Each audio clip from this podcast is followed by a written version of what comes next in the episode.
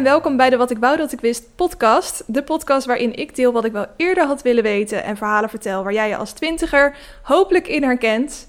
Eh, vandaag heb ik een hele leuke aflevering voor jullie. Zoals jullie weten doe ik één keer per maand een aflevering met een gast. En deze keer heb ik wel een hele bijzondere gast, namelijk de podcastgast. Oftewel Matthijs. Hallo Matthijs.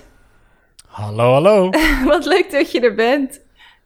Ja, superleuk om hier te zijn, eh, Kelly. Bedankt je, dankjewel voor de uitnodiging. Ja, misschien kan je jezelf heel kort eventjes voorstellen. We gaan straks in het hoofdonderwerp nog helemaal in op jouw eh, verhaal. Maar misschien in een paar korte zinnen eventjes wie je bent. Ja, nou, ik ben Matthijs. Ik ben de podcastgast. En het is mijn doel om dit jaar in 100 verschillende podcasts te zitten. Um, dan wel als gast, dan wel als host. Uh, een aantal daarvan zijn podcasts die ik, die ik zelf heb bedacht. Uh, en ja, jij helpt mij bij, uh, bij het bereiken van mijn doel van 100 verschillende podcasts. Ja, ik had uh, een DM van jou ontvangen en ik vond het wel een heel grappig idee. Ook even op je website gekeken. als je dat ook leuk vindt, depodcastgast.nl, denk ik. En ja. ja, ik hoop dat het je gaat lukken. Je hebt al een aantal mooie op de planning staan, toch? Ja, zeker. Er staan er nu vier online. Ik was, een klein, ik was in december eigenlijk al begonnen met opnemen. Want nou ja, zoals jij wel weet, maar de luisteraars misschien niet, soms worden podcast best wel eventjes van tevoren ook opgenomen. Um, en uh, ik heb er nu vier online staan, maar er staan er al, ik denk een stuk of tien staan er in de boeken die er aankomen. En uh, ik denk dat het nog wel een sprintje wordt naar het einde van het jaar. maar we zijn je al hebt lekker nog even. Je hebt nog even, dus komt wel goed, denk ik. Daarom. Ja. En um, jij bent nog net twintiger, toch? Hoe oud ben je ook alweer? Ik ben 29. Wij nemen dit nu op maandag op. En ik word vrijdag word ik 30. Nee joh. Oh, nou bij deze alvast Ja, ja, ja. gefeliciteerd. Zie je er tegenop tegen de 30? Dankjewel. Niet meer. Niet meer. Oké, nou Nee. dat laten we voor, eh, voor straks. Daar kan je nog Ja, eventjes is goed. over uitweiden. Ehm, normaal als ik een gast uitnodig, dan bepaal ik een beetje van... ga ik die pas bij het hoofdonderwerp introduceren... of neem ik ze gewoon mee in eh, de hele opbouw van mijn podcast. En in dit geval vond ik het wel leuk om jou overal mee te nemen. Eh, om jou echt de Wat ik wou dat ik wist podcast ervaring te geven, zeg maar. En ehm, wij beginnen met het lekker loeren blokje. En hierin neem ik op een luchtige manier eh, de week met mijn luisteraars door. En bespreek ik allemaal celebrity nieuws. Nu zei hij al eh, voordat we gingen opnemen dat dat niet per se jouw ding is. Maar dat vind ik soms juist wel leuk om het dan te bespreken en te kijken eh, ja, wat je daar alsnog van vindt. Misschien is Ja. dat nog wel grappig om te horen. Nou, helemaal goed. Oké. Wat is er gebeurd in de, in de wereld van de celebs de Ik ga het je vertellen. Ik ga het je vertellen. Ten eerste, heb jij ooit een aflevering van Sex in the City gekeken? Oh ja, heel lang geleden ooit. Ja? Nou ja, dat, eh, Eh, ja. dat is natuurlijk echt een, ehm, een enorme kijkcijferhit geweest. Inmiddels al best wel eh, wat ouder. En er komt dus een reboot van. Dat had ik vorige week al verteld in mijn podcast. Ehm, het enige is dat Samantha, dat is een beetje de, de vrouw die eh, heel veel over seks praat en die wat luidruchtiger is dan de andere dames. Die doet niet Ja. mee in de reboot, omdat ze dus eh, blijkbaar ruzie zou hebben met de, degene die de hoofdpersoon speelt. Ehm, en nu is er dus een gerucht dat in de plek van haar Caitlyn Jenner gaat meedoen. Weet je wie Caitlyn Jenner is? Oh, ja, zeker. Het is nog niet bevestigd, maar omdat eh, ze wat meer diversiteit erin willen stoppen en eh, wat meer met de tijd mee willen gaan, willen ze graag een transgender Ja. iemand in hebben. Dus gaan ze misschien Caitlyn Jenner op die plek uitnodigen. Ik kreeg dit eh, doorgestuurd via mijn Instagram DM. Iemand die zei, je had het hier vorige week over, dus dit vind je vast ook interessant om te lezen. En dat vond ik zeker interessant. Maar het is dus nog een gerucht. Het is niet zeker. Ik moet ook zeggen dat ik niet helemaal voor me zie hoe dat eruit gaat zien. Ik wist überhaupt niet dat Caitlyn Jenner kon acteren. Ik heb er nog nooit in iets gezien. nee. Ehm, nee, nou ja. Ja. Wat, wat vind jij van dat je, dat je allemaal van dit soort remakes krijgt? Ehm, misschien schop ik je schema door de war hoor. nee, maar zeker je, net als dat ze Friends opnieuw zouden, zouden uitbrengen. Dat zou voor mij heel raar voelen. Want Friends is Friends. ja. Punt. Ik weet niet. Soms denk ik, aan de ene kant denk ik, yes, er komt meer van hetgene wat ik al superleuk vind. Ehm, maar vaak is de uitvoering slechter dan het idee zelf. Want het zijn toch Ja. oudere. Het, het gaat nooit meer worden als het succes dat het toen was. Nee, nee, want ik weet in een oude podcast van jou had je het een keer over de Gilmore Girls. Mhm. Eh, ik weet niet, heb je de Gilmore Girls gezien en heb je ook de, de- het nieuwe seizoen gezien wat ze toen uitbrachten? Zeg maar de Years Later of zo? Nee, nee. Nee. Ah, nou, ik moet heel even bekennen meteen, ik wel. Nice. Ik heb alle Gilmore Girls gezien en het seizoen daarna. Ja, ja, ja, ja, ja. en eh, ik, dat was zo slecht. Ja. En ik vond de oorspronkelijke. Ik ben het gaan kijken omdat mijn vriendin het keek. En dan kijk je mee. En dat werd op een gegeven moment een beetje onze serie die we keken. Nou, prima. Ehm, en het, het was nog best leuk. En er zat best wel humor in. En ik vond... Daarna had je de, de year off. En we zeiden allebei... Oh, dit, dit, dit gaat echt nergens meer over. Dit is echt... eh, troep. Maar de manier van schrijven, of omdat zij gewoon te oud waren geworden en dat niet hetzelfde gevoel Ja. aan de serie gaf? Nou ja, ook dat. Het was gewoon een beetje uitgekoud. En ook de manier van schrijven. En het was... Ja, nee, het was gewoon helemaal niet, niet leuk meer of zo. Weet je, je moet, je moet een beetje op je hoogtepunt stoppen. Ja. En, en nou ja, dat hadden zij duidelijk niet gedaan. Dat ben ik, daar ben ik ook wel van. Dus ik, ik ga ook niet zeggen dat dus de reboot van Sex and the City goed wordt. Maar ik ben wel altijd heel nieuwsgierig wat ze er dan weer van gaan maken. Maken. Ja. Ja, eh, volgende nieuwtje. Martin Meiland en Britt Dekker gaan samen een programma presenteren. Blijkbaar waren ze juryleden in een ander programma. En eh, vonden ze dat zo succesvol dat ze dachten, we gaan hun samen in een programma stoppen. Het programma heet First and Last en het is gebaseerd op een Britse variant. Het is een eh, spelprogramma waarbij deelnemers niet als eerste of laatste mogen eindigen. Ehm, het programma lijkt me niet per se heel interessant. Ik denk ook dat het alleen maar een en al hysterie wordt en dat het een soort Martin en Britt Dekker eh, show wordt. Zou jij dit gaan kijken? Nee, Nee. harde nee. Harde absoluut nee. Nee. Heb je Chateau Meiland gezien?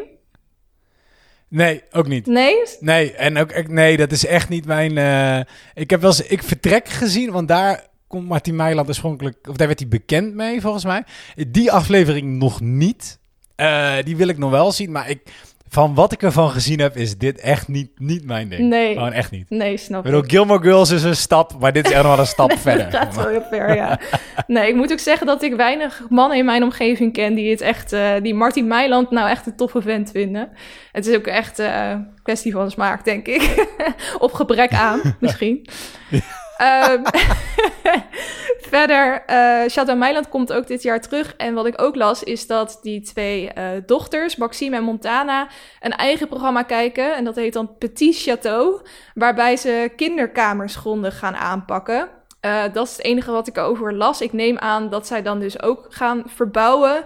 Waarschijnlijk omdat ze zagen dat dat bij Chateau Meiland zoveel hysterie opleverde... dat ze dachten, nou, dan doen we met hun twee ook een soort verbouwprogramma.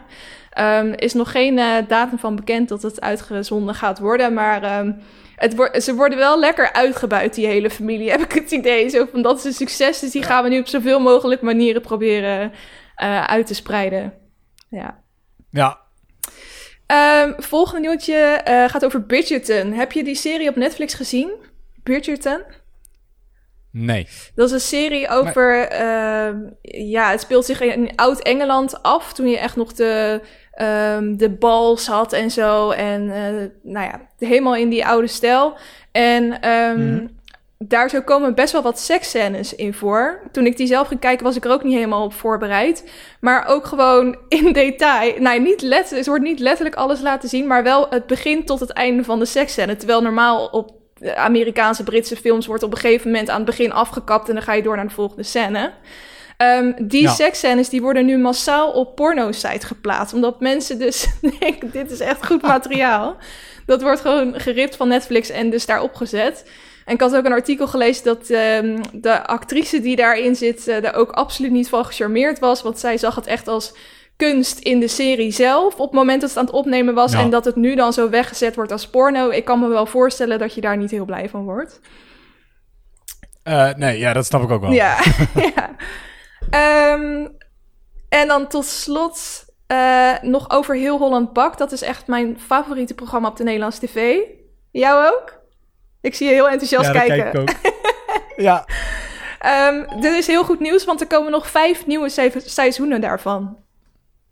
Zo, vijf ook meteen. Ja, ik denk dat ze dat in een batch aan moeten kopen. Dus ehm, ze hebben gewoon vijf nieuwe seizoenen bijgekocht. Mijn hemel. Ja. Oh ja, nee, ik vind... Dat is ook echt wel een, eh, een zondagavond eh, dingetje bij ons thuis. Ja. En, eh, en heel Holland bakt kijken. Ja, ja, Ik vind het zo'n heerlijk Ja. kneuterig programma dat. Kan ik echt van genieten. ja. Bak jij zelf ook veel? Of is het echt puur alleen kijken? Het, is, het is meestal puur en alleen kijken.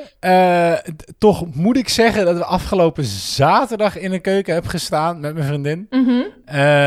En echt gebakken, echt vanaf scratch hebben we van die Deense cinnamon rolls gemaakt. Oh, eerst deeg en ja, het is super lekker geworden. En, en het is meestal, wij eh, best wel, nou ja, eh, niet echt fit girl en fit boy, maar we eten best wel gezond en, en we sporten best wel veel. En dus mijn vriendin die bakt zelf heel vaak ehm, allemaal, weet je, gezonde cheesecakes of gezonde bananenbrood of dat soort dingen. Ja. Ehm, en af en toe help ik daarbij. En dit keer besloten wij een keer wat ongezonds te doen, want we hadden wat te, te vieren. Dus toen hebben we dat gedaan. Dus dan vind ik het op zich wel leuk, maar ik, eh, je moet mij niet zo'n hele taart laten doen. Dus ik, ik vind het altijd knap dat ze te horen krijgen, weet je, je moet nu ehm worstenbroodjes maken. Ik, ik zou bij god niet weten waar ik moet beginnen, weet je wel. Wat gaat daar, I don't know. Nee. Ik, ik eet het alleen op. Ja, precies. Nou ja, dat, dat, zij, je moet er denk ik ook echt een passie voor hebben. En dat je daardoor dan recepten thuis gaat uitproberen. Maar er worden soms ook dingen in die opdrachten genoemd waar ik nog nooit van heb gehoord. En dan zitten zij allemaal van, oh, dat is echt heel moeilijk. Ik denk, waar heb je het over? Maar Ja. zij hebben er blijkbaar wel heel veel kennis van. Nou ja, in ieder geval wel heel leuk om naar te kijken. En we kunnen dus nog eh, vijf nieuwe seizoenen gaan kijken. Het houdt nog lang niet op, gelukkig. Dan gaan we door naar het Elke Elletje, waarin ik lees, kijk en luistertips geef. Ik had ook aan jou gevraagd om wat dingetjes eh, voor te bereiden. Of in ieder geval gevraagd of jij ook nog tips hebt die je misschien wilt delen. Dus die, eh, eh, daar ben ik zo meteen ook wel benieuwd naar. Ik begin eventjes bij de leestip. Misschien eh, weet jij dit nog niet, maar ik heb een eh, boekenclub. Dus elke keer aan het begin van de maand kies ik een boek uit. Ehm, motiveer ik luisteraars om hetzelfde boek te gaan lezen. En aan het eind hebben we dan een boekbespreking. Dat hebben we eigenlijk afgelopen maand voor het eerst gedaan. Eh, was heel leuk. En dan deel ik ook soms een recensie in de podcast. En het boek van deze maand is De Zeven Echtgenoten van Evelyn Hugo. Dat gaat over een eh, Hollywood-legende. het is wel gewoon fictie. En ehm, zij is op een gegeven moment in het jaar 2017 is zij eind 70, 80 zoiets. En dan eh, gaat ze haar levensverhaal laten opschrijven. En dat levensverhaal, daar word je dus een beetje doorheen meegenomen eh, in het boek. En eh, dat gaat dus onder andere over haar zeven echtgenoten. En ehm, ik heb deze keer de luisterversie van het boek gepakt. En eh, eigenlijk gewoon de hele tijd aangehad als ik klusjes aan het doen was. Waardoor ik er nu al doorheen ben. Dus ik heb hem al uit. Ik bewaar mijn recensie nog Oh. eventjes voor het eind van deze maand. Eh, ik kan er wel zeggen dat ik heel enthousiast ben. Dus dat het sowieso een leestip is. Eh, maar dat komt er dus nog aan. Heb jij toevallig ook een leestip? Lees jij überhaupt veel? Eh, nou, ik luister best veel. Ik lees minder dan dat ik zou, eh, zou willen. Maar luisterboeken zijn dus ook echt mijn ding. Ik luister tijdens het sporten. Ik luister tijdens het afwassen. Tijdens eh, whatever. Ik heb altijd tijdens het werk... heb ik ook heel vaak allemaal luisterboeken opstaan. of podcasts. Ja.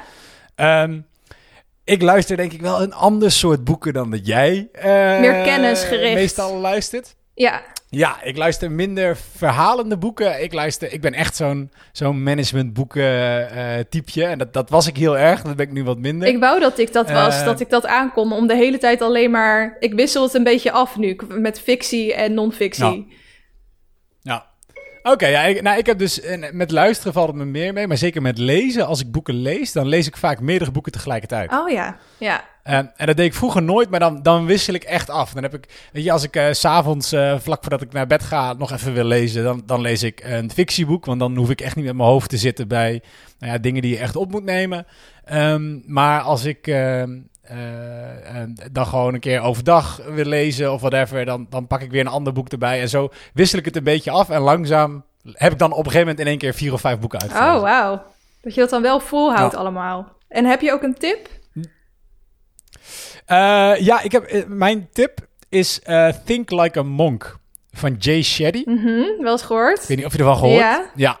Hij, hij, staat, uh, hij staat ook op Storytel bijvoorbeeld. Oh. Uh, met als voordeel dat hij uh, wel alleen in het Engels. En hij wordt voorgelezen door Jay Shetty zelf. En die man die heeft een hele inspirerende zen stem. Gewoon echt lekker om naar te luisteren. Dat vind ik echt wel belangrijk bij een luisterboek. Um, en die kan ik onwijs aanraden. Ik doe toevallig binnenkort klein, klein stukje promo. Doe ik een podcast over dit boek Ja. bij een andere podcast. Ja. Ehm, omdat dit is voor mij van alle management, eh, Tony Robbins, Yes, whatever boeken die ik heb gelezen, is dit eigenlijk het boek waar ik ook het meest aan heb gehad. Het is een heel mooi verhaal. Hij vertelt over, eh, dit is een kerel die was eh, in 18, 19 en toen besloot hij om een boeddhistisch monnik te worden. Ehm, en terwijl hij altijd geobsedeerd was met succes. En hij is jarenlang is hij een monnik is hij geweest. En hij vertelt eigenlijk over hoe dat was. Hoe hij, nou ja, hij kwam daar terecht. En hoe, hij, eh, eh, hoe het voor hem was om te leren om monnik te zijn. En wat hij daar leerde. En wat hij daar tegenwoordig nog aan heeft. En zowel een cool verhaal als dat er oefeningen in zitten. En dat het gewoon echt heel waardevol is. En moet ik dan denken Echt aan dat het echt eh, gaat over manifestatie, mediteren? Daar moet ik dan een beetje aan denken dat dat soort tips erin voorkomen? Of is het wel echt ook praktisch? Nee, nee, ze- Eh, nee, het is ook wel echt praktisch. Er zitten echt praktische oefeningen in. Waarbij hij gewoon zegt, eh, nou niet over manifesteren, daar heeft hij het bijvoorbeeld niet over. Eh, maar wel over een keer een andere weg naar huis nemen. Dus hij vertelt over dat hij dat als monnik kreeg. En dan vertelt hij hoe dat was, dat hij door, het, eh, door de jungle liep van de ene naar de andere tempel. En dat hij iedere dag iets nieuws moest zoeken op zijn weg. Hmm. Ehm, en daar heeft hij gewoon een heel mooi verhaal over. En daarna vertelt hij een beetje wat de bedoeling van die les was. En vervolgens krijg je aan het eind van, de hoofd, van het hoofdstuk ook een soort van opdracht waarmee je dat zelf kan doen. Nou, ik heb het boek zelf al geluisterd. Ik heb nog geen een van die opdrachten gedaan. En toch was het voor mij al heel waardevol. Omdat het toch een beetje op een andere manier, een rustige manier, ja, om je heen kijken is. Leuk, klinkt wel echt Ja, letterlijk en interessant. figuurlijk. Ja, cool. Ja, Think like a En ik zei, het is echt zo'n, ja, echt zo'n stem, gewoon hoe hij leest. Een heel mooi Brits accent. Dat is ook echt Ja, je zet het belangrijk. gewoon lekker achter. Ja, je zet het gewoon lekker op en dan is het gewoon ook om bij in slaap te vallen. Ik heb altijd een, een boek aanstaan s'avonds als ik in slaap val. Weet je dan nog wel de volgende Eh, ochtend waar je bent gebleven? Nee, nee. nee dat, maar dat doe ik ook uitsluitend met boeken die ik, die ik dan... Met dit boek heb ik het ook wel gedaan en dan spoel ik gewoon alles terug. Eh, maar ik heb daar ook boeken samen met mijn vriendin die wij specifiek uitkiezen... waarbij het dan niet erg is om in slaap te vallen. Of de volgende dag ga je een paar hoofdstukken terug. Heb jij dit nog gehoord? Eh, ja, ik wel. Oh, ik niet. Oh, nog iets verder terug. Heb je dit nog gehoord? Dan- nou ja, op die manier. Wat grappig, maar jullie luisteren het dan dus ook samen. Dus jullie liggen samen in bed Ja. met dan zo'n luisterboek aan. Ja, en gaat het, gaat het licht uit, gaat de luisterboek aan en, en, en dan gaat het luisterboek aan, timertje op een half uur. En in slaap vallen, als een van ons s'nachts ook wakker wordt, bijvoorbeeld vannacht met mijn vriendin wakker, en dan kan ze niet slapen. En dan word ik op een gegeven moment wakker, omdat ze over me heen leunt en mijn telefoon pakt. En dan zet ze gewoon opnieuw het luisterboek aan en dan valt ze weer in slaap. Wat Ja, hilarisch. serieus. Ja, het- je Ja. hoort het wel vaker dat mensen dat eh, inderdaad echt fijn vinden om mee in slaap te vallen. Grappig. Ja, en ik, want ik deed dat altijd als ik alleen sliep. Eh, en als zij sliep, vond ik dat best jammer dat ik dat niet had. En toen op een gegeven moment heb ik haar dat geïntroduceerd. En nu gaat het eigenlijk heel goed. nu is zij Eh, ook fan. Ja, werkt super. ja, Wat goed. zeker. Oké, laten we doorgaan naar de kijktip. Ik heb twee films Ja. op Netflix gekeken. Eentje was weer een tip van een van de luisteraars. Dat was 22 July. Dus ja, zo, hoe je het, zo, zo, zo schrijf je het eigenlijk. 22 juli. Ehm, en die gaat... Zegt die datum jou al wat? Begint het iets te dagen? 22 juli Nee. 2012? Nee, ik heb, ik heb... Nee, ik heb het voorbij zien komen. Want ik zie de filmposter voor me die ik op Netflix voorbij heb zien komen. Maar ik weet niet waar het over Oké, nee, het gaat om die eh, aanslag in... Hoe nou, moet ik het goed zeggen? Was het nou, volgens mij Noorwegen met Anders Breivik. Die toen op Breivik, dat eh, ja. ehm, eiland toen eh, allemaal kinderen heeft neergeschoten. Ik was... Ja, ik, ik, ik heb het wel heel bewust meegemaakt toen. Ik kan me dat ook echt nog wel herinneren toen dat allemaal gebeurde. Maar ik vind het toch altijd anders als je een film kijkt... waarbij alles van begin tot eind is nagespeeld... en je elk detail ziet en de impact die het op mensen heeft gehad. Ook al zijn het natuurlijk acteurs, Ja. maar wel echt gebaseerd op een waar gebeurd verhaal. Ik vond het eh, heel indrukwekkend. Hij was wel best lang, 2,5 uur volgens mij. Maar wel beginnen, eh, boeiend van begin tot eind, omdat ze ook echt persoonlijke verhalen erin eh, in meenemen. Dus ik vind dat wel een aanrader als je zelf ook denkt van, hoe zat dat toen ook alweer? Ehm, het is niet een gezellige film tussen aanhalingstekens, maar wel eh, echt de moeite waard. Ehm, en de ander is Pieces of a Woman. En ehm, daar moet je wel echt van houden. Dus echt wel een hele langzame, eh, deprimerende film, maar alsnog vond ik hem steen goed. En dat gaat over een vrouw die eh, ehm, bevalt van een kindje dat... eh, het, nou, die bevalling die, die wordt helemaal ge- gevolgd. Dus eigenlijk op het mo- moment dat de film begint... Ja, het is best heftig. Mijn vriend zat ernaast. Die dacht ook, waar kijk jij in godsnaam naar? Uiteindelijk bleef hij wel hangen. Vond hij toch interessant. Maar eh, de film begint als de bevalling, zeg maar, begint. En uiteindelijk zie je dus dat dat kindje, het is een thuisbevalling, die komt er niet uit. En je ziet dat die eh, kraamhulp, of hoe noem je zo iemand? Ehm, iemand die, zeg maar, Ja, helpt. voetvrouw. voetvrouw. Noem je dat Ja. vroeger?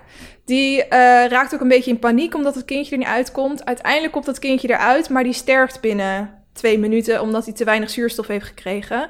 En eigenlijk draait de film meer op het, om het proces wat daarna dus gebeurt. Hoe ehm, zij dan met eh, haar man omgaat. Dat, die wordt gespeeld door Shia LaBeouf. Vind ik ook wel heel goed spelen altijd.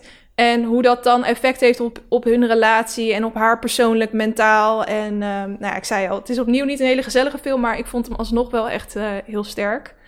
Ehm, dus die, dat zijn tips die ik zelf eh, zou geven voor films. Heb jij toevallig nog een tip voor een serie of een film die je pas hebt gezien? Klinkt, klinkt heftig. Ja, nee, ik zeker. Ik heb eh, een wat luchtigere serie, Lupin. Oeh, die wil ik ook nog zien. Die zag ik voorbij komen. Oh, dat is, dat is de moeite. Alleen het is, ik weet niet of je bijvoorbeeld Casa de Papel hebt gekeken. Ja, dit is hetzelfde als in, eh, ze hebben nu, zeg maar, de eerste vijf afleveringen van seizoen 1 eh, afgegeven. En daarna doen ze de rest. Dat deden ze bij Casa Papel ook. En midden in het seizoen heb je een soort van break. Ja?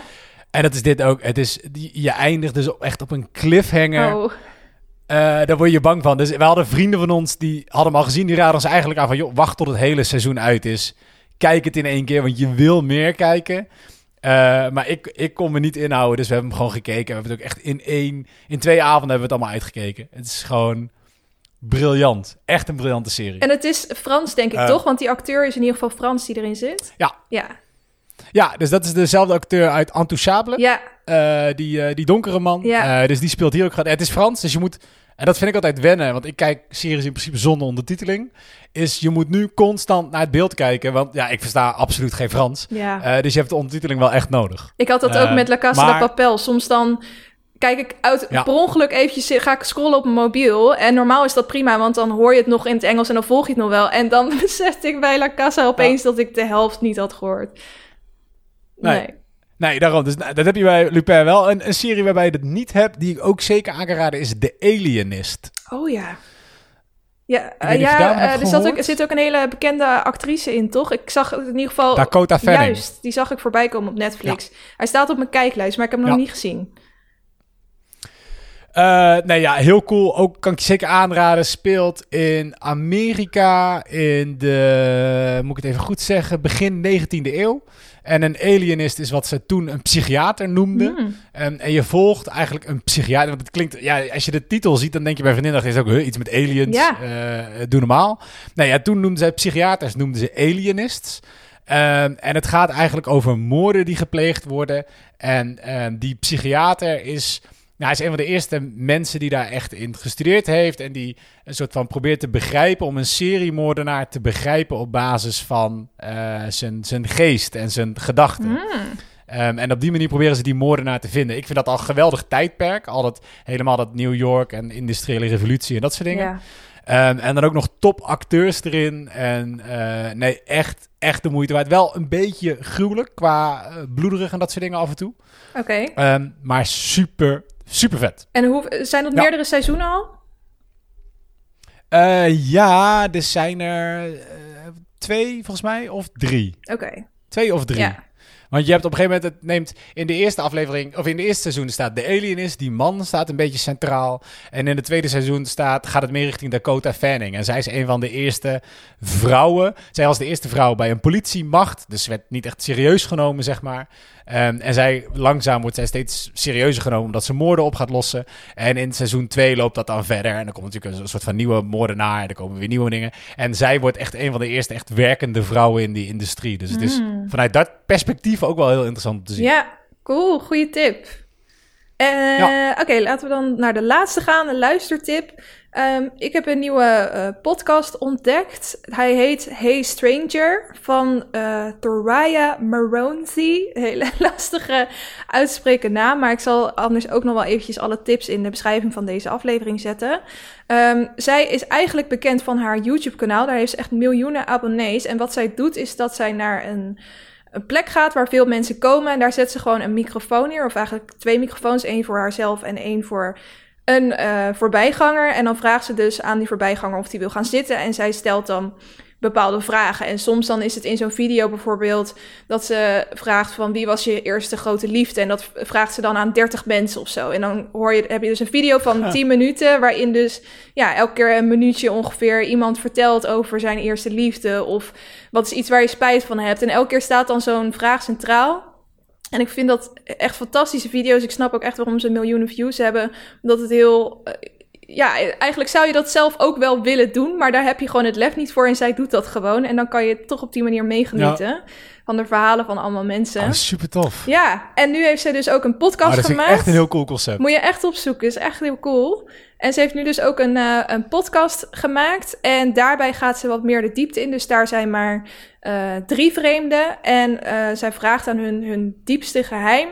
En ehm, ik heb de, alleen de trailer nog geluisterd. Dus nu staat de eerste aflevering online.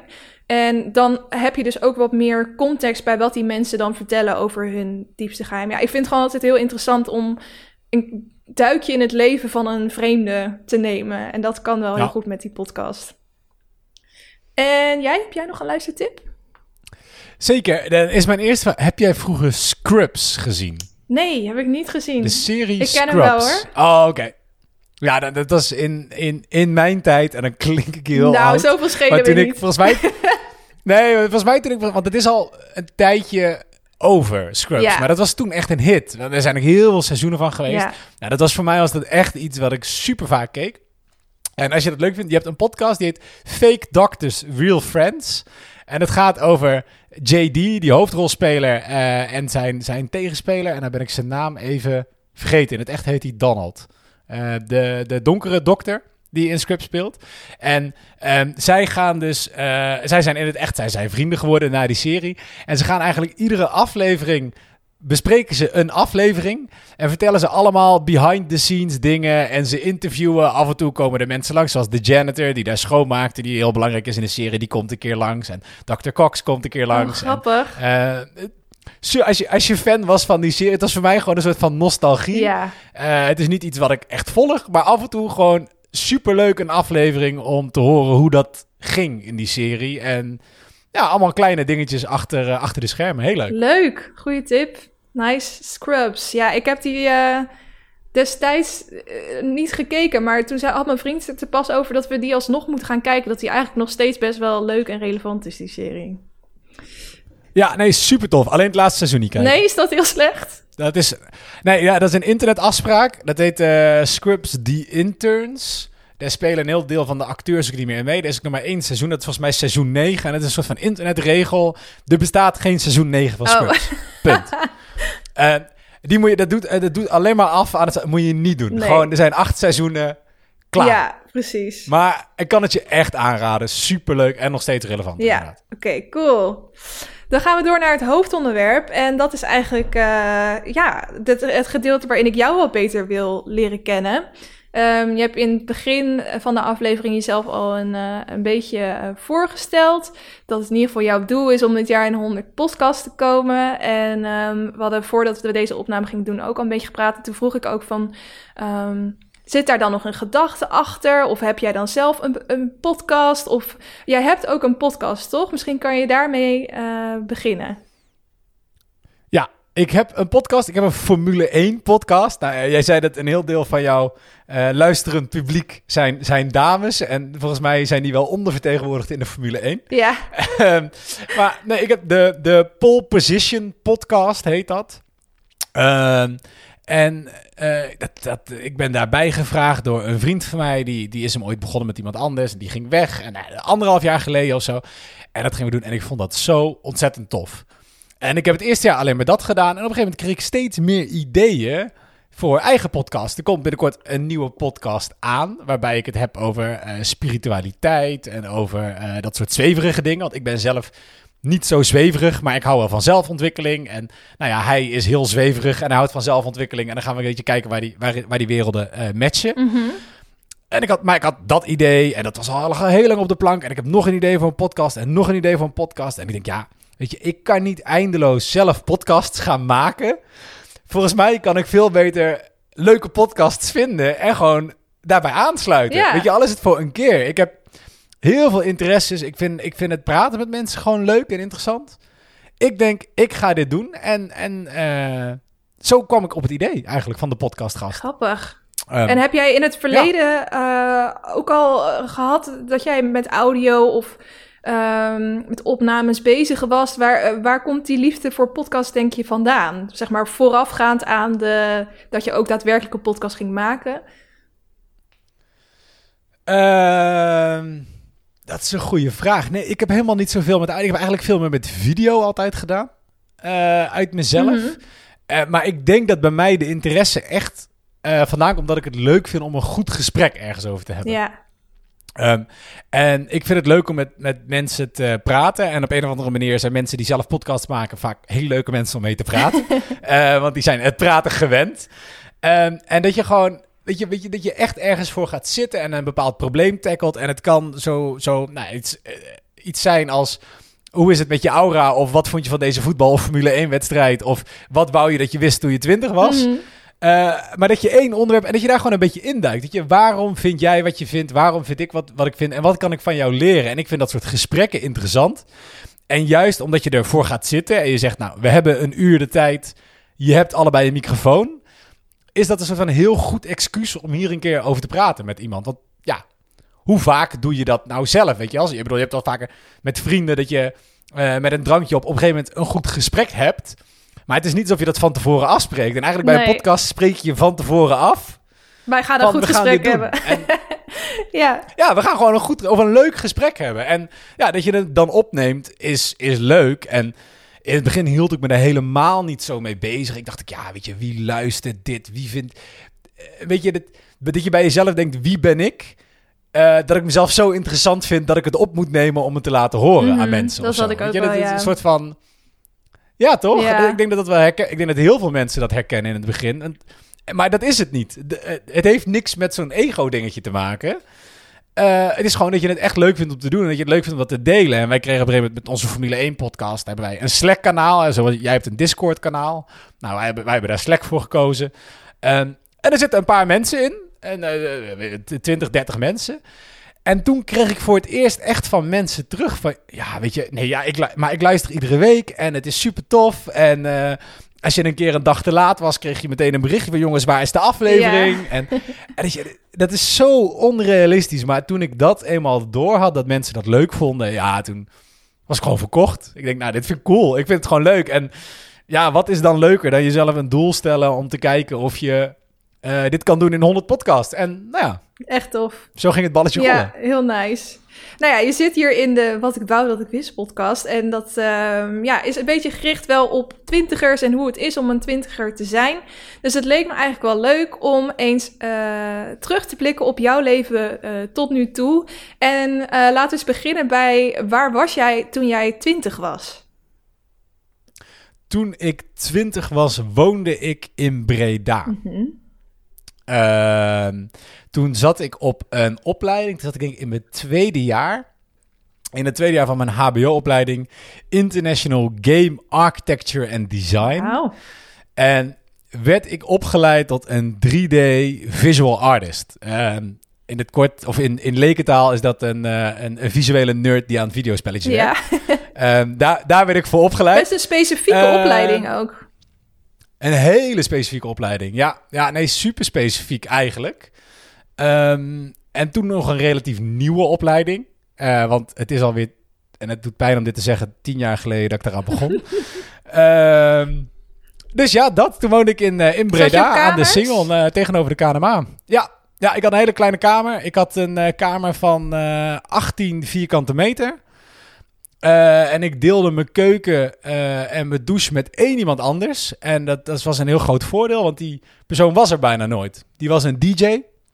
En die eh, reisde eigenlijk de hele wereld rond. Dus als hij er één keer per maand was, dan was het veel. Dus ik had eigenlijk een verdieping voor mezelf. Eh, weliswaar met een ranzige keuken en een douche die het bijna niet deed. En eh, een verwarming die niet altijd wilde. Maar ik had, ik had wel alles voor mezelf. Nice. En was jij, wat voor Ja. student was jij? Was jij veel van het uitgaan of meer thuis?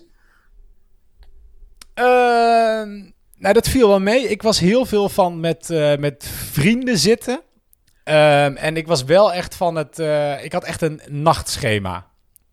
Ehm, dus wij deden veel... eh, eh, toch ook wel, wel bier drinken. Maar wij, hadden dan, wij gingen niet heel erg uit. Maar wij hadden zo'n rockcafé. Ik was echt... Toen zat ik aan het einde van mijn punk skate periode. Oh. Eh, geloof, geloof het of niet. Ja, ik was toen ik, als we nog verder teruggaan, liep ik in van die hele grote overseas broeken met van die mega schoenen met gekleurde Oh, veters en een blokjes rugzak Kan en je, dat ik soort kan je jou nu niet voorstellen zo. Nee, dat hebben heel veel mensen, maar er bestaan echt foto's.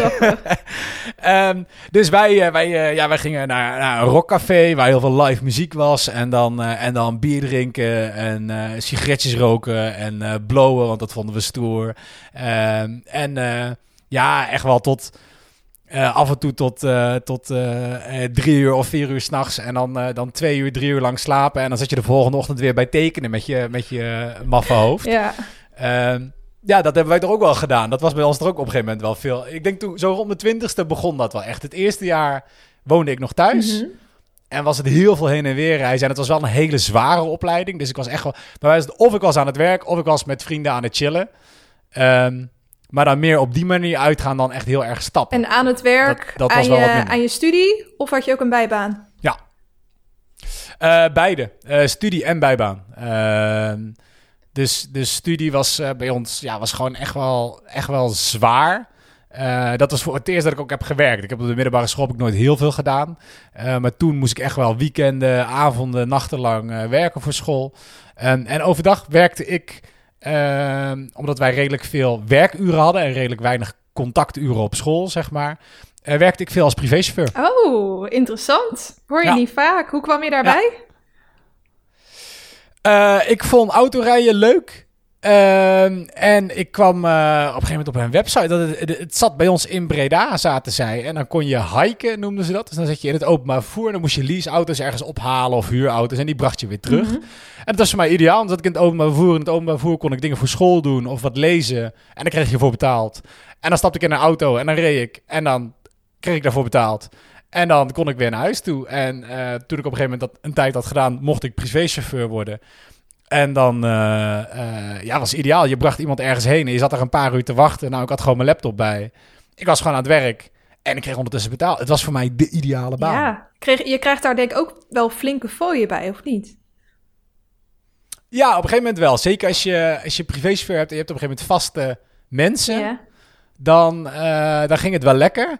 Eh, en ik had een paar mensen in, eh, in Breda zelf die ik op een gegeven moment kende. Eén één meneer, en dat was een, een advocaat.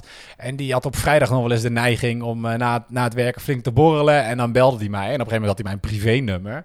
En dan kreeg ik wel eens een belletje of een appje of ik hem die avond... Oh, hij was weer uit eten gegaan of ik hem even op kon halen. En dat, dat, dat werd niet altijd via het bedrijf geregeld. Dat ging ook gewoon nog wel eens eh, zwart. Ja. Eh, en dan was het wel, wel leuk verdienen, ja, als je dan uh, privéchauffeur was. ja, slim bijbaantje wel. Wat leuk. Ja. En Ja, ik kan het iedereen Ja. aanraden. goede tip wel. En ehm, was je ook al een beetje aan het daten? Of had je al een vriendin in die tijd? Eh, nee, toen ik net toen ik twintig was, had ik geen vriendin. Toen was denk ik net mijn eerste lange serieuze relatie was, eh, was stuk. En daar was ik toen ook best wel kapot van. En toen heb ik denk ik de eerste twee jaar van mijn opleiding heb ik ook weinig gedate. Ik was ook niet zo'n zo'n datepersoon. Eh, Tinder begon toen net een beetje en daar was ik helemaal niet zo succesvol op. Ehm, nee, dat vond ik, allemaal, vond ik allemaal niks. Vond ik allemaal oppervlakkig. Dus nee, het viel wel mee. Gewoon wel hier en daar een date, maar ook geen vriendin. En daarna kreeg ik weer een vriendin en dat was meteen weer serieus. Oké, eigenlijk wel echt een serieuze relatie, man. Ja, nee, ben ik altijd wel geweest. Ja. Ja, ik heb echt eh, het merendeel van de meisjes met wie ik heb gedate, heb ik ook altijd minimaal ja, anderhalf, twee jaar lange relatie mee gehad. Ah, ja.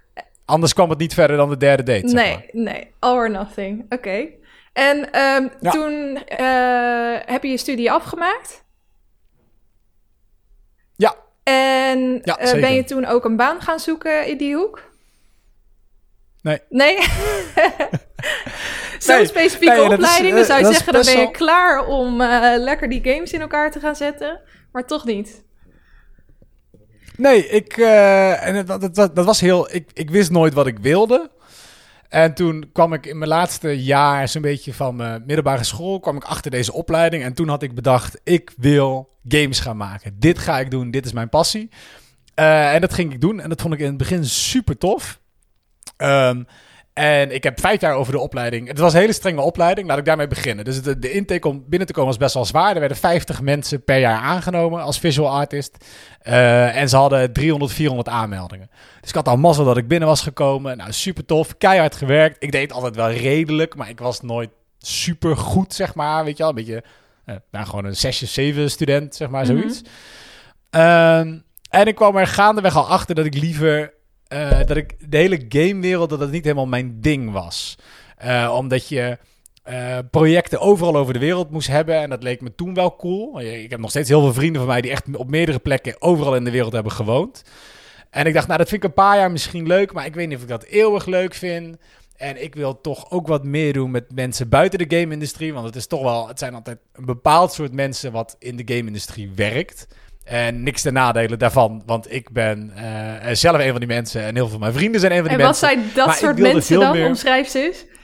Nou, mensen, mensen die liever met computers werken dan met andere Oh, ja. mensen. En ik vind het heel leuk om ook met mensen te werken.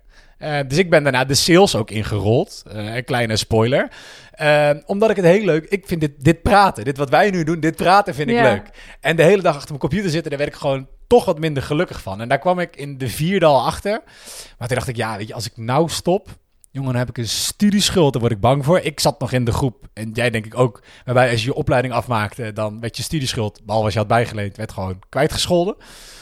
Dus ik denk, ik maak dit eerst af en ik word, eh, ik word ondernemer. Eh, en dat ga ik doen. Hmm. Eh, dus ik heb mijn studie afgemaakt. In mijn jaar was het het eerste jaar dat je kon afstuderen met een businessplan. Ik was de enige die dat deed. Iedereen verklaarde me ook voor gek. Dus je moest het altijd een bepaald artproject kiezen. Ik koos een, business, koos een businessplan. Ik heb een app ontworpen. Daar heb ik een heel businessplan voor geschreven. En daar ben ik, voor, eh, daar ben ik mee afgestudeerd. En toen heb ik besloten, nou ja, ik ga niks meer doen met 3D. Het leuk dat ik hier vijf jaar lang 80 uur per week voor gewerkt heb. Ik ga het niet meer doen. ik ben er klaar mee. Maar dat businessplan ging nog wel over eh, een app. En ben je, je hebt wel gekozen voor een businessplan omdat je dat dan ook wilde gebruiken? Of was dat echt puur en alleen voor studie en heb je dat ook laten zitten? Nee, ik wilde het wel gebruiken. Wel uit mijn businessplan kwam wel dat het een moeilijke case was. Ik had een app ontworpen voor muzikanten om eh, zichzelf te kunnen promoten. Ik speelde toen ook nog in een band. Mhm. Ehm, dus om zichzelf te kunnen promoten. Een soort van, van Facebook voor muzikanten was een beetje het idee. Nou, er zit een heel businessplan in hoe dat dan zou moeten werken met cafés en dergelijke. Ehm, ik had een programmer die mij daarbij zou helpen. Maar toen ik afstudeerde, toen kreeg hij zijn droombaan aangeboden in Zuid-Korea. Hmm. Nogmaals, je moest overal de wereld over reizen in die industrie. Ehm, en hij ging naar Zuid-Korea en ik was klaar. En mijn ouders die zeiden, ja, eh, succes vriend. Eh, je krijgt geen geld meer. Je zoekt maar een baan eh, als je je huur wil betalen. En toen dacht ik, ja, nou moet ik iets hebben. Dus toen ben ik eigenlijk toevalligerwijs de sales ingerold. Omdat ik dit, dit babbeltje altijd al had. En ik vond het leuk om met mensen te werken. Ik denk, nou, dan ga ik eerst maar dat doen. En eh, als Eh. ondernemer sales gaan doen of ergens in dienst? Nee, in dienst. Omdat ik wel besefte dat ik eh, eigenlijk heel weinig wist van ondernemen. Want ik had daarover niks op school gehad. En ja, hoeveel weet je nou echt als jij 24 bent en je komt van school af? Vaak minder dan dat je denkt. Dus ik dacht, nou prima. Ik, ik was eigenlijk ik was de tempo-team binnengelopen voor een, eh, gewoon voor een tijdelijke baan. En in dat gesprek zeiden ze, joh, weet je wat jij moet doen? Je moet gewoon bij ons komen werken. Hmm. Ik dacht, nou ja, eh, prima. Dat was een beter salaris, dus ja, is goed. Eh, dus ik heb daar sollicitatiegesprekken voor gedaan. En ik werd aangenomen. En dan is een beetje... Ik dacht, nou prima, weet je, dan leer ik een beetje wat meer hoe, hoe zaken doen werkt. En hoe business werkt. En dan leer ik sales. En dit zijn skills waar ik later wel wat aan heb. Met het idee, ik ga nog steeds ondernemen. Eh, het, nou, klein tipje van de sluier. Het kostte me nog een jaar of vijf voordat ik ging ondernemen. Maar ik ben inmiddels ondernemer. maar Ehm, waar- waarom wilde je dan per want- se zo graag gaan ondernemen? Als je ook eh, in principe tevreden was met je baan in eh, loondienst. Ja, omdat ik heel erg wil doen wat ik wil. En daar ben ik een beetje lastig. En ik, wil heel, ik vind heel veel verschillende dingen leuk. Vandaar ook dat ik nou ja, honderd verschillende podcasts wil doen. Dus dat leek mij, mij leek het Ja. wel wat ondernemer. Het klinkt cool. Je, eh, de meeste ondernemers verdienen heel veel geld. Want de, de ondernemers die het niet redden, da- daar hoor je niet zo heel Nee. veel van. Tip, dat zijn er ook nog veel meer dan degene die wel heel veel geld verdienen. Ja. Ehm, maar ja, weet je, da- dan gebeurt een beetje wat er gebeurt. Namelijk, namelijk ehm, het leven gebeurt. Want je gaat werken en voordat je het wist, werkte ik dat twee jaar. Ja. Want je krijgt een inkomen en je raakt even... ge- nou ja, weet je, het eerste half jaar moet je een beetje settelen in je werk. En dan heb je nog een half jaar. Nou, dan heb je je eerste jaar gedaan en dan krijg je nog een contract. En je krijgt meer salaris. En dan denk ik, ja, dat gaat, dit gaat eigenlijk best wel lekker, weet je wel. De, eh, je, 9 tot 5 en er komt geld binnen. En ik kan het weekend leuke dingen met vrienden doen. En voordat je het weet, zit je daar twee jaar. En besef je, oké, dit is dit was helemaal niet wat ik eigenlijk wilde. Maar je bent wel twee jaar verder, right? Ik bedoel, op dat moment was ik 26. En ik denk, ja, ik ben halverwege de 20. Ik ben, al, ik ben over de helft. Ik moet iets gaan doen, want ik wilde het helemaal niet. Maar je had het dus ook wel heel erg naar je zin daar. Waar kwam dat dan door? Dat je toch... eh, want ook al... Ja, ik, ik ben met je eens in het eerste jaar. Dat merkte ik ook wel bij mijn eigen eh, banen. Dan ben je nog eerst een, een beetje aan het settelen. En daarna eh, aan het ervaren hoe het is. En dan, dan voel je je comfortabel in je rol. En dan wil je ook niet al direct weg. Maar ehm, daarna komt wel... eh, Misschien dat je je gaat ergeren, dat je zeker omdat jij zegt van ik ben eigenlijk in heel veel dingen geïnteresseerd en dat was echt een salesfunctie. Had je niet al eerder in die baan het idee van ik, ik mis iets? Kwam dat toen echt pas? Ja, wel. Nou ja, nee, ja, dat begon eigenlijk na anderhalf jaar begon Mhm. het. Dat je denkt, oké, ja, weet je, dit is het niet. En ik blijf hier sowieso niet werken. En ik was ook heel dat, dat corporate. Ik, had, ik heb er helemaal geen moeite mee om, eh, om eh, in mijn pak naar het werk te moeten. Eh, maar toch vond ik een beetje, ja... Moest dat ook? Ik weet niet. Wij zijn hele... Ja, dat moest. Ik zat iedere dag netjes in Ah. pak op mijn werk. Ik heb ze nog steeds boven hangen. Ik doe ze nooit meer aan. Ehm, en ik dacht, ja, weet je, je, je, moet, je moet hier wat. eh, die, corporate wereld, dat is niks voor mij. Of je moet op een bepaalde manier je weg een soort van omhoog kussen, of je moet hier uit. Eh, en toen kwam ik toevallig via via bij LinkedIn terecht in. Eh, op, op iemand, bij iemand terecht waarbij ik denk, nou, dit is mijn droombaan. Dit ga ik doen. Ik, ik kan meer dan wat ik doe. Ik wil meer. Dit is het. Dit kwam als een geschenk uit de hemel. Ik ga solliciteren en ik werd aangenomen bij mijn tweede baan. Oh, en wat was dat? Ja, dat was eh, sales en marketing manager. Oké, op zich wel En dichtbij dacht, nou, wat je al deed. Te cool. Ja, dicht bij wat ik deed, maar met een super eh, eh, inspirerende groep mensen. Een super inspirerend persoon. Ik ging werken bij de CO2-adviseurs, of tegenwoordig heet de duurzame adviseurs. Ehm, en mijn baas, de eigenaar daarvan, is, is Thijs Lindhout. En hij heeft ook een podcast, de 100% Inspiratie Podcast. Eh, bij wel meer podcastmedewerkers bekend. Nou ja, dan weet je, hij is een super inspirerend persoon. Ik zag dat, ik denk, ik wil van jou leren, vriend. Dit is, dit is gewoon klaar, weet je, dit moet. Ja, En eh, ik was toen heel erg bezig met zelfontwikkeling en met de hele Tony Robbins happening. En daar was Thijs, of is Thijs natuurlijk ook heel erg van. En ik sprak hem en dat, dat klikte eigenlijk zo snel. En ik denk, ja, dit, dit ga ik doen. En dan kan ik mezelf verdiepen in marketing. Dat vond ik altijd wel interessant. Ik krijg veel meer vrijheid. Dit wordt veel meer ondernemen. Ik kreeg er een bak geld bij. Ik kreeg een leaseauto. Ik denk, dit gaan we doen. Droombaan. En ik ging en het was ook een droombaan. en zat je dan eh, alleen bij hem op kantoor? Heeft hij een team om zich heen? Of eh, wat, wat deed hij? Nee. Nee, er zit een heel team. Eigenlijk, eh, eh, dit is een beetje à la Thijs. Hij zei toen ik daar aankwam... Ja, ik wil binnen nu en twee jaar wil ik eigenlijk uit de business. En dat is ook... De, duurzame adviseurs zijn nog steeds... Hij is, hij is aandeelhouder daar, maar het is niet eh, zijn, zijn bedrijf. Het wordt geleid door iemand anders, Ja. zeg maar.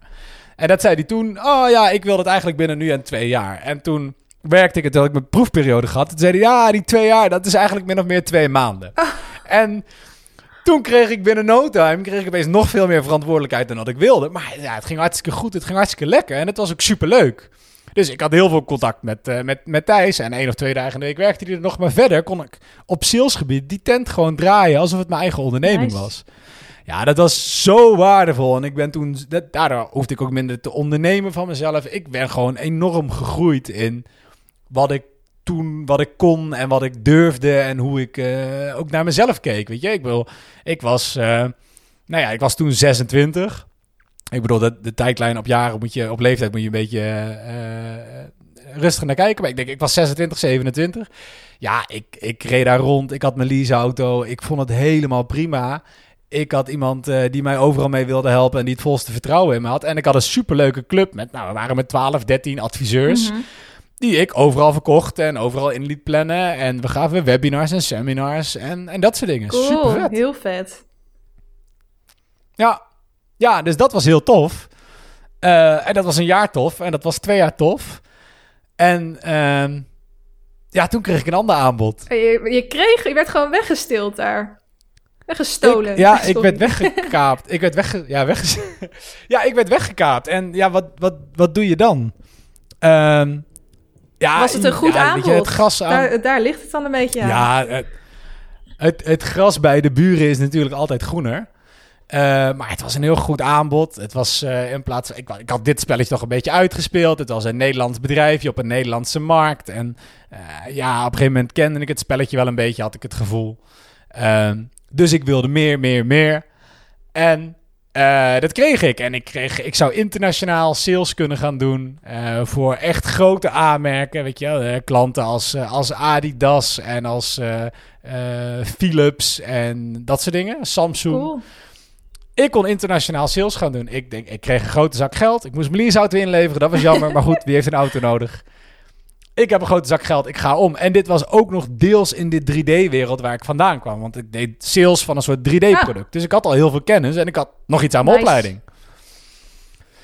Ja, dus ik ging om en ik heb dat, uh, ik denk een anderhalf jaar lang volgehouden voordat ik uh, daar bijna schreeuwend wegliep. Schreeuwend wegliep, was het Want, zo erg? Ja, want wat, wat doe je als je eind 20 bent en je toch heel ontevreden bent met de, de afgelopen keuzes die je hebt gemaakt en de droombaan die je had, heb je weggegooid en de nieuwe droombaan die je aannam bleek niet je droom te zijn. Wilde je, ging je dan niet terug, proberen weer terug te gaan naar die uh, de duurzame adviseurs? Nee, ook omdat ze dat op dat moment, uh, mijn rol was al vervuld. Ah. Dat hadden ze niet meer nodig. En, en ook ja, toch wel een beetje gouden handboeien. Uh, ik had echt een, een, goede baan met een heel goed salaris. Um, ja, weet je, dan is het toch ook een beetje je eer te na om weer terug aan te kloppen ja. uh, bij, uh, bij je oude baas of zo. Dat, dat kwam ik niet meer naar boven. Maar wat, maar, wat, vond, wat was er eigenlijk zo erg in die, uh, in die baan? Dat je zo, zo snel weg wilde? Ja, nou ja, op zich, kijk, we hebben het anderhalf jaar volgehouden. De persoon met wie ik toen zou werken, of dat echt mijn maatje was, die ging uiteindelijk na drie maanden weg toen ik daar uh, mm -hmm. zat. En die kreeg helemaal een, uh, een topbaan. En mijn manager was gewoon iemand met wie ik heel slecht door één deur kon. En die niet helemaal op zijn plek zat daar. En ik was niet de enige. Het hele sales team was het daar redelijk mee eens. Um, vlak voor mij ging een collega weg. Ik ging weg in de drie maanden na mij zijn, ik denk, nog zes andere mensen weggegaan daar. Wow, dus dat, dat laat wel, wel zien dat er een soort van groter probleem ja. was. Ja, dus dit was een baan. Ja, dit was gewoon, weet je, 80 uur per week werken. Ik zat iedere maand, zat ik uh, uh, wel een keer in Amerika of in Engeland. Uh, of, of whatever, ging ik bij klanten op bezoek. En dat klinkt heel cool. Totdat je beseft dat je gewoon geen tijd hebt voor je relatie. Geen tijd hebt voor leuke dingen. ja, ja, weet je, dan, dan... En dan besef je... Toen ik twintig was, wilde ik alsmaar meer. En zat ik in een soort van weg naar boven toe. En toen besefte ik opeens dat er heel veel dingen toch wel belangrijker zijn dan, dat, dan geld. Wat je gelukkig maakt. Wat iedereen natuurlijk zegt en wat je allemaal wel weet. Maar het is toch ja, anders in het echte leven. Als iemand je heel veel geld ja. aanbiedt, zeg je ja. Ja, toch? Dan zeg je toch geen nee. nee. Dus... Um, en, en, ja, toen moest ik eens even goed gaan nadenken. En uiteindelijk is dat wel hetgene dat mij gemotiveerd heeft om te beginnen met ondernemen naast, naast mijn opleiding. Um, en waarbij ik op een gegeven moment een onderneming had lopen waar ik een paar honderd euro per maand mee verdiende. Ik bedoel, bij lange na niet genoeg om huis van een groot appartement in Utrecht te betalen, uh, waar een vriendin woont.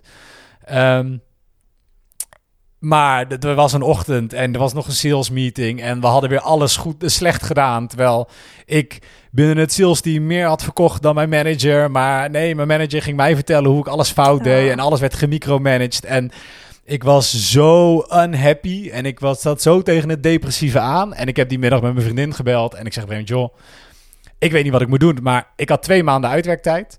Het was de 31ste. Ik denk, ja, als ik vandaag niks zeg, dan zit ik hier sowieso nog twee maanden. En ik weet niet of ik dat volhoud. En het was, ik denk, vijf voor vijf die dag. En ik zei tegen mijn manager, joh, mag ik je even spreken? Oh. En hij zei, prima. En we lopen ergens een kamer binnen. En ik zeg, ja, ik weet niet hoe ik het anders moet zeggen, maar ik, uh, ik neem ontslag. Ik, nee, Vond je dat spannend om te zeggen? Ja. Ja. Maar wat een last valt er van je schouders ja, af. dat kan ik me wel voorstellen. Ik ben fluitend naar huis gelopen. ja. het is echt... Oh, ja, nee, maar dat was ontzettend spannend. Want dat is natuurlijk super eng. En je bent wel even tegen jezelf een beetje aan het beseffen dat... Of aan het toegeven dat de keuzes die je hebt gemaakt gewoon niet echt goed waren, weet je wel. En je moet opnieuw iets beginnen. Ik had, een, uh, ja, ik had gelukkig wel wat geld op de bank staan, want ik had, uh, ik had leuk verdiend. Maar ik had een eigen bedrijfje wat meer geld kostte dan het opleverde. Uh, want ik moest nog allemaal investeren daarin. Ik had bij lange na niet genoeg werk om fulltime te werken. Maar ik zat zo tegen een burn-out aan. Ik was er zo klaar mee dat het gewoon een last voor mijn schouders was. En ik dacht, joh, hoe sneller ik deze twee maanden af kan maken, hoe beter. En dat heb ik toen ook zo snel mogelijk ja, gedaan. dus toen hoefde je nog maar één maandje daar te werken. Toen kon je volledig op je eigen onderneming richten. Ja, nou, ik heb eigenlijk zes, zes weken heb ik er nog gewerkt. Uh, volgens mij in de laatste twee weken. Ik had ook nog vrije dagen. Ja. uh, dus heb ik in vrije dagen heb ik die opgenomen. En toen ben ik uh, inderdaad... Nou ja, toen heb ik eerst een maand voor mezelf gewoon genomen. Ja. Waarin ik wel een beetje heb ondernomen, maar echt heel rustig aan heb gedaan. En gewoon weer eens even tijd voor mezelf genomen heb. En eens even besloten van, ja, wat wil ik nu eigenlijk ja, doen? wel heel goed ook trouwens dat jij en, zo bij jezelf doorhad van... oké, okay, nu zit ik tegen een burn-out aan. Nu moet ik echt iets gaan doen om dat te voorkomen. Want je hoort dat natuurlijk ook, dat het zo vaak voorkomt. En dat vooral burn-out zijn bij mensen die... Uh, ja, eigenlijk maar op alles ja zeggen. En die misschien in een situatie als Ja. die jij had... misschien hadden gedacht van... ja, nee, dat, dat, dat kan ik nu echt niet maken om nu ontslag te nemen... om maar aan de wens van andere mensen te voldoen. En dan toch die stap te zetten en het kantoor binnen te lopen... en te zeggen, ik neem ontslag. Dat is best wel een stap, lijkt me. Ja. Ja. Ja, zeker. En het is gewoon, weet je, het moeilijkste vond ik nog het, weet je, ja, het opgeven van die, die, die baan die je hebt. Weet je, je bent een beetje op weg naar de top en je, bent, je verlegt in één keer heel je Ja. pad. Want er, was, er, was, er is nog één ander bedrijf dat exact, zeg maar, dit doet, waar ik zo zou kunnen gaan werken. Maar anders, ja, ik kwam weer ergens anders in de sales terecht. Of ik moest weer wat anders met marketing gaan doen. En het zat wel een beetje in die rol. Maar je begint toch weer met een stap terug. En dan moet je wel even aan jezelf toegeven. Ik was toen, want we hebben het nu over twee jaar Mhm. geleden. Eh, ik was toen 28. Ja, dan, dan denk je, oké, moet ik nou echt ergens opnieuw beginnen? Weet je wel? Moet ik nou echt dit allemaal opgeven? En waar kom ik dan terecht? En wat moet ik opgeven aan salaris? Of wat moet ik opgeven aan, ja, wat ik nu gewend ben? En dat is, dat is echt wel heavy en dat is best wel moeilijk. Ehm, maar het liet mij ook inzien dat ik... eh, eh, dat er gewoon andere prioriteiten zijn. En ik denk dat dat een beetje voor mij het grootste verschil is. Eh, als ik kijk tussen...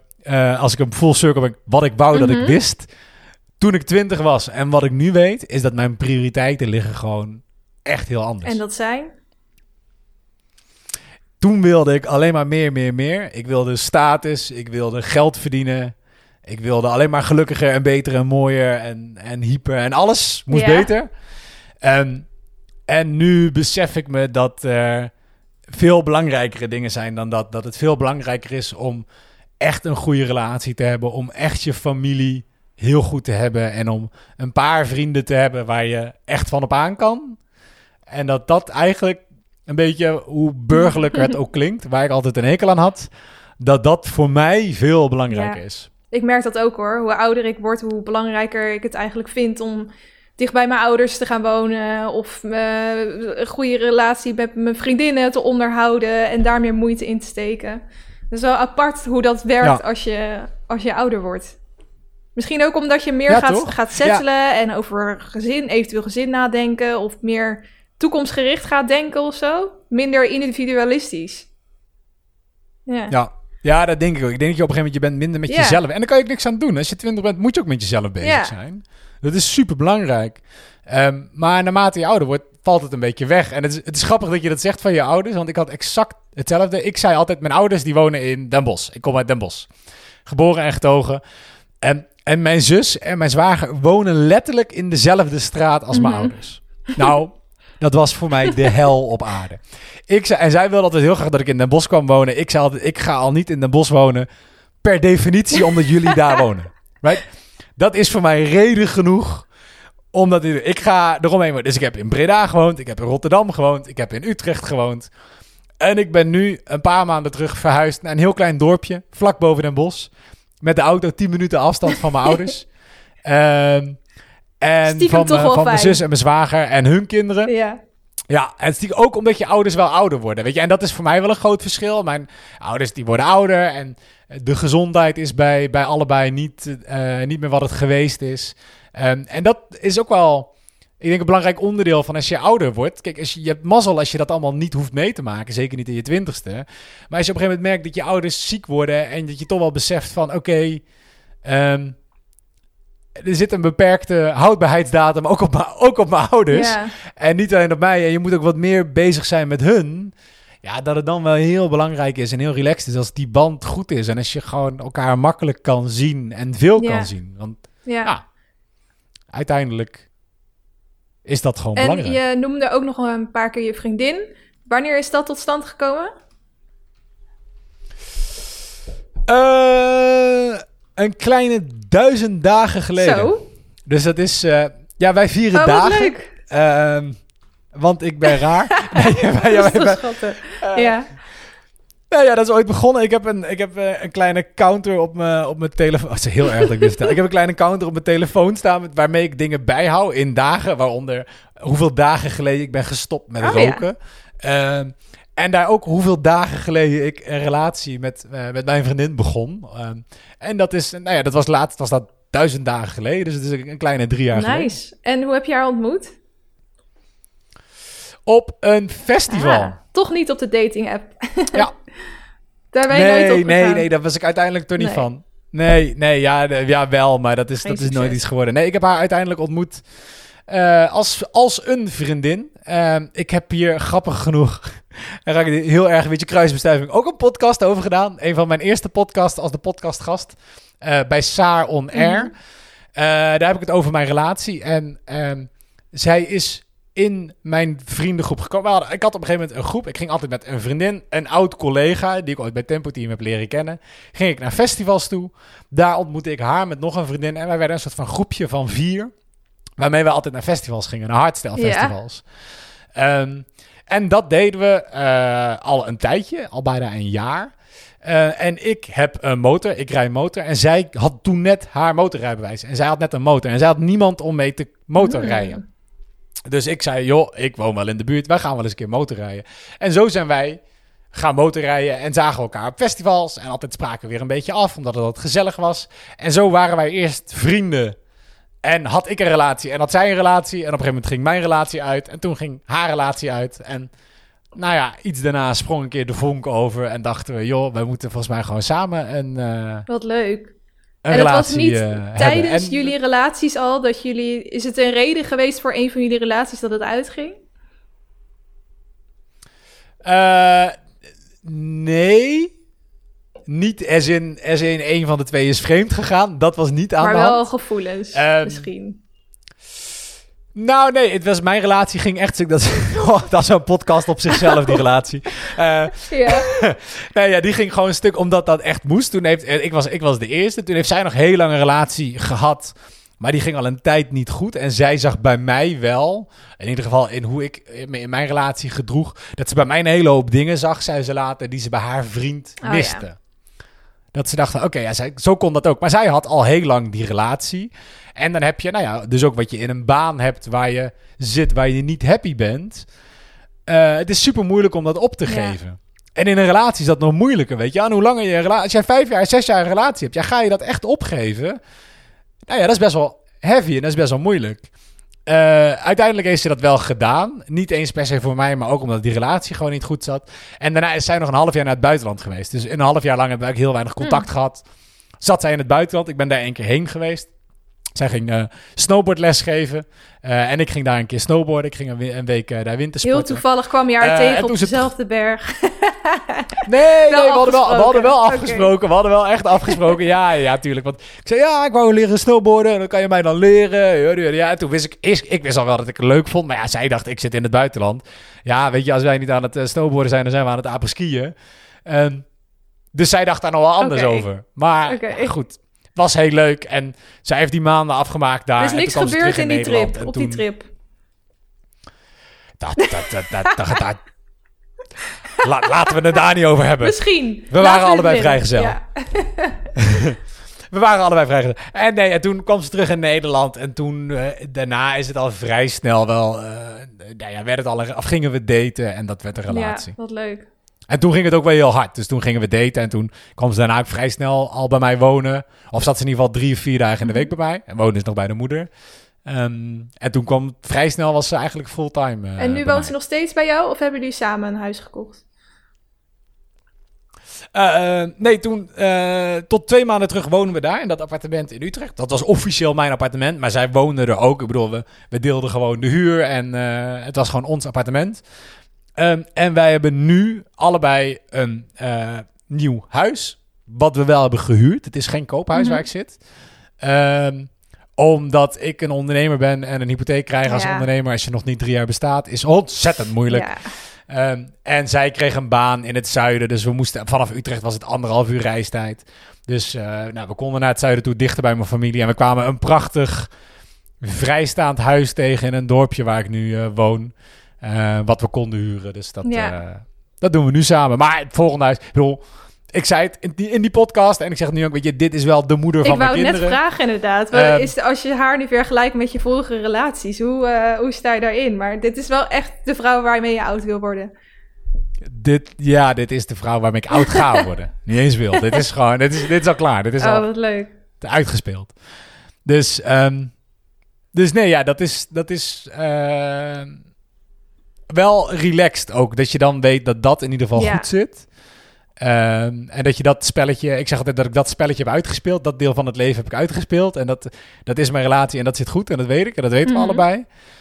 Um, maar ja, dat is toch wel heel anders dan, dan dat andere relaties waren. Zelfs als je altijd lange relatie hebt gehad als ja. dat ik had. En ook vaker heb samengewoond ja. met mensen. En nu ben je hier vlak voor je dertigste verjaardag. Ja. Ga je nog wat doen met je dertigste verjaardag? Ja, je kan niet echt een feestje vieren. Nee. Nee, ik, dus ik vier al jaren mijn feestje niet. Omdat ik, ik vind feestjes leuk om naartoe te gaan. Maar ik vind het niet leuk om het zelf te geven. Want dan moet je opruimen op ja, het dat, einde. Dat hoort erbij. Uh, dat, is, dat geef je terug als het feit dat jij overal voor wordt uitgenodigd. Aan de gasten. Ja, ja, ja. Nee, ja, ik, ik, ik neem gewoon een cadeautje mee en ja. dan vind ik het goed. Dus nee, ik, ik vond dat nooit... Nou ja, en dat is ook wel anders. Dus ik dacht, als ik 30 en dan ga ik een groot feest geven... en dat moet van mezelf. En dan moet ik heel veel vrienden hebben en dat soort dingen. Nou, daar ben ik al een beetje van teruggekomen. Ik moet gewoon een set goede vrienden hebben. En als er 10 mensen op mijn verjaardag zijn die ik ontzettend mag... dan is dat voor mij ja. veel waardevoller dan een feest met 50 mensen die ik ja. een beetje ken. Um, maar ja, dat gaat er nu sowieso niet worden. Dus uh, morgen komt mijn schoonfamilie langs... Uh, Uh, en uh, die komen hier een taartje eten. En uh, op de dag zelf komen mijn ouders even langs. En mijn zus en mijn zwager. En dat is het. Um, en ik spreek los met wat vrienden af. Door mijn opleiding heb ik ook wel mijn, echt, mijn oude vrienden van mijn opleiding. Die zitten overal in de mm -hmm. wereld. Dus daar kan ik ook niet zo makkelijk mee afspreken. Um, dus dat komt nog wel. Ik heb meer zoiets. Ik vier gewoon. Ik stel het 30 woorden nog even uit. Ik word nu 29,2. En volgend jaar in januari word ik echt 30. Ja, die vind ik mooi. En dan doe ik gewoon een groter feestje. 29,2. Ja. Nice. ja.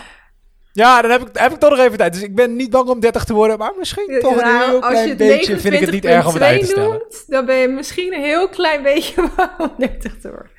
Nee, maar ik zit je mee te plagen. Ja. Maar um, ja, ik vond het echt uh, heel leuk om jouw levensverhaal zo een beetje te horen. En een kijkje in jouw hoofd te krijgen.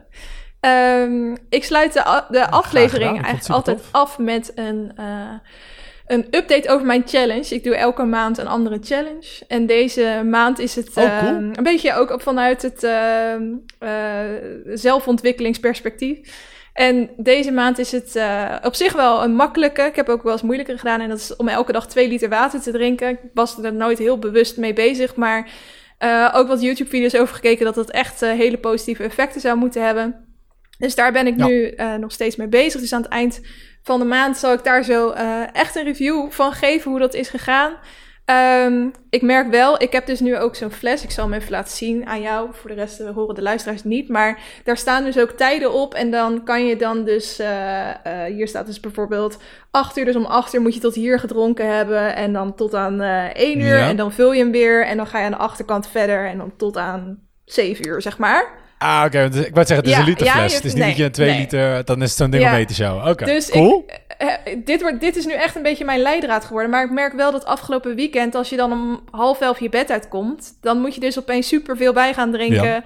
Om weer, weer bij te komen. en je drinkt voor de rest ook... Het wordt een beetje saai op een gegeven moment. Want ik heb dan soms ook wel zin om een wijntje te drinken... of om gewoon eens ijsthee te drinken of zo. Maar ik zit dan nog zo erg in mijn hoofd van... nee, ik moet twee liter water dat dat het soms nog wat uh, lastig maakt.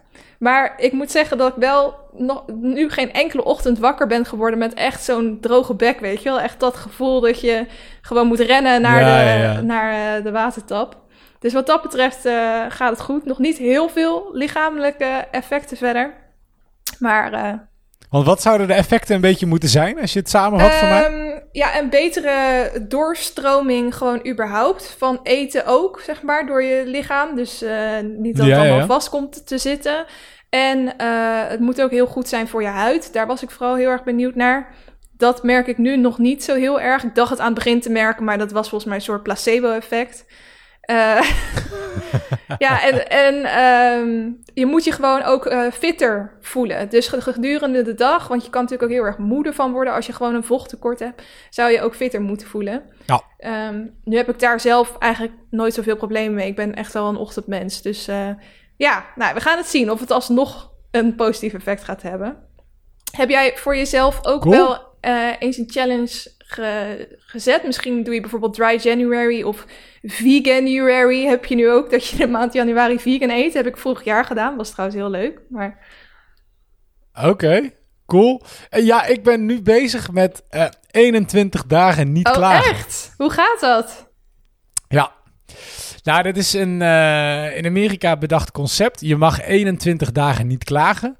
Uh, zo simpel klinkt het. Je doet een bandje om je uh, arm en op het moment dat je klaagt, uh, begin je opnieuw. En dan is het weer dag 1. Dus de truc is om het 21 dagen echt vol te en houden. En is dat ook als ja, je, je hebt denkt, een Nederlandse... Want ik heb ook wel eens niet dat ik het uitspreek, maar nee. dat ik soms de, in mijn hoofd gewoon negatief bezig ben. Ja, nee, ja, dat, nee, het gaat wel echt om het uitspreken. Je bent natuurlijk wel zelf een beetje je judge ook van wat is ja. klagen. Um, want het schijnt dat mensen 73 keer per dag klagen. Wow. Nou ja, dat is wel heel veel. Um, ja, maar ik denk dat... Uh, nou ja, ik kan er zeker wat van. Um, en uh, ik doe dan eigenlijk... Of ik ben begonnen met de versie... Je hebt een Nederlandse spreker. Kevin Weijers heet hij volgens mij. Volgens mij. Doet er niet toe. Die heeft dan toegevoegd... Die 21 dagen niet klagen. Je mag ook 21 dagen niet schelden. En uh, als je denkt dat, of als je twijfelt of het klagen is, dan is het okay. klagen. Right? Dus ja. dan ben je ook af. Um, het is nu 18 januari. Dus, en iedere keer dat je opnieuw uh, dat je, dat je dat doet, begin je opnieuw. Maakt niet uit welke dag je bent, je begint opnieuw. Dus het is nu 18 januari. Ik zit vandaag op dag 1. Oh, weer op dag 1? ja hoor, ik zit weer op dag 1. Ik heb het, mijn langste record was drie dagen tot gisteren. En toen heb ik echt lopen klagen. Oh. Um, dus, dus ja, dat, dat was niet helemaal uh, de bedoeling. En mijn grootste probleem was schelden. Um, uh, nou ja, in, in podcast wilde ik al een beetje een uitzondering maken. Want in podcast is, is het af en toe lekker om te klagen. Zeker als je een podcast maakt over sport. Ja. Um, en als ik aan het gamen ben, dan is schelden... Ja, joh, man, ik zat... En, en dat niet alleen, niet alleen als je aan het gamen bent. Dat je als je 's ochtends uit bed staat en ik stoot op mijn knie. Nou ja, ik kom in beginnen op dag 1 hoor. Dan komen wel het scheldwoorden uit. Het lijkt me ook heel moeilijk klaar. om dat te dus verzetten. Maar je hebt dus ook een elastiekje om je arm wat jou eraan moet herinneren. Oh ja. Ja, dus ja. ik heb een bandje. Ik heb echt een bandje om mijn arm. Uh, dat me erbij helpt. En ik heb nu het schelden losgelaten. Omdat ik... Nou, meer mensen had die zeiden, joh, dat is een beetje onzin. En ik denk, ja, anders ga ik ze helemaal mm. nooit halen. Eh, maar het klagen vond ik wel een hele goeie, omdat je, nou ja, je dan stilstaat bij, oké, hoe vaak per dag klaag je? En klagen wordt eigenlijk gedefinieerd als, ja, nou ja, je zeurt ergens over zonder dat je een oplossing Ja. biedt. Dus je mag wel klagen als je een oplossing biedt. Dus je mag wel zeggen, eh, eh, chips, ik was vandaag te laat op mijn werk. Nou ja, dat is, dat is klagen. Of chips, ik, ik heb in de file gestaan. Maar als je dat dan vervolgt met, dus morgen ga ik vijf minuten eerder weg, zodat ik sowieso op tijd ben, dan is het goed. Dan mag het wel. Dus het is best wel eye-opening voor jezelf, dat zelfs de momenten dat ik klaag, probeer ik meteen om te denken, om er iets positiefs van te maken en te denken, oké, eh, ik moet die positief Dat is wel nice. dus dat is, dat is mijn challenge Cool. nu, ja. En het, ze zeggen dat het gemiddeld vier tot acht maanden duurt voordat iemand de challenge af Jezus. heeft. Voordat het je echt lukt om 21 Dat zou ik dagen dan dus niet van tevoren Nou, dat- willen je weten. bent er nou al af. Ja, ik ben er al af, inderdaad. Maar dat zou ik dan dus niet van tevoren willen weten. Dan zou ik denken, nou laat dan maar als het zo lang gaat duren.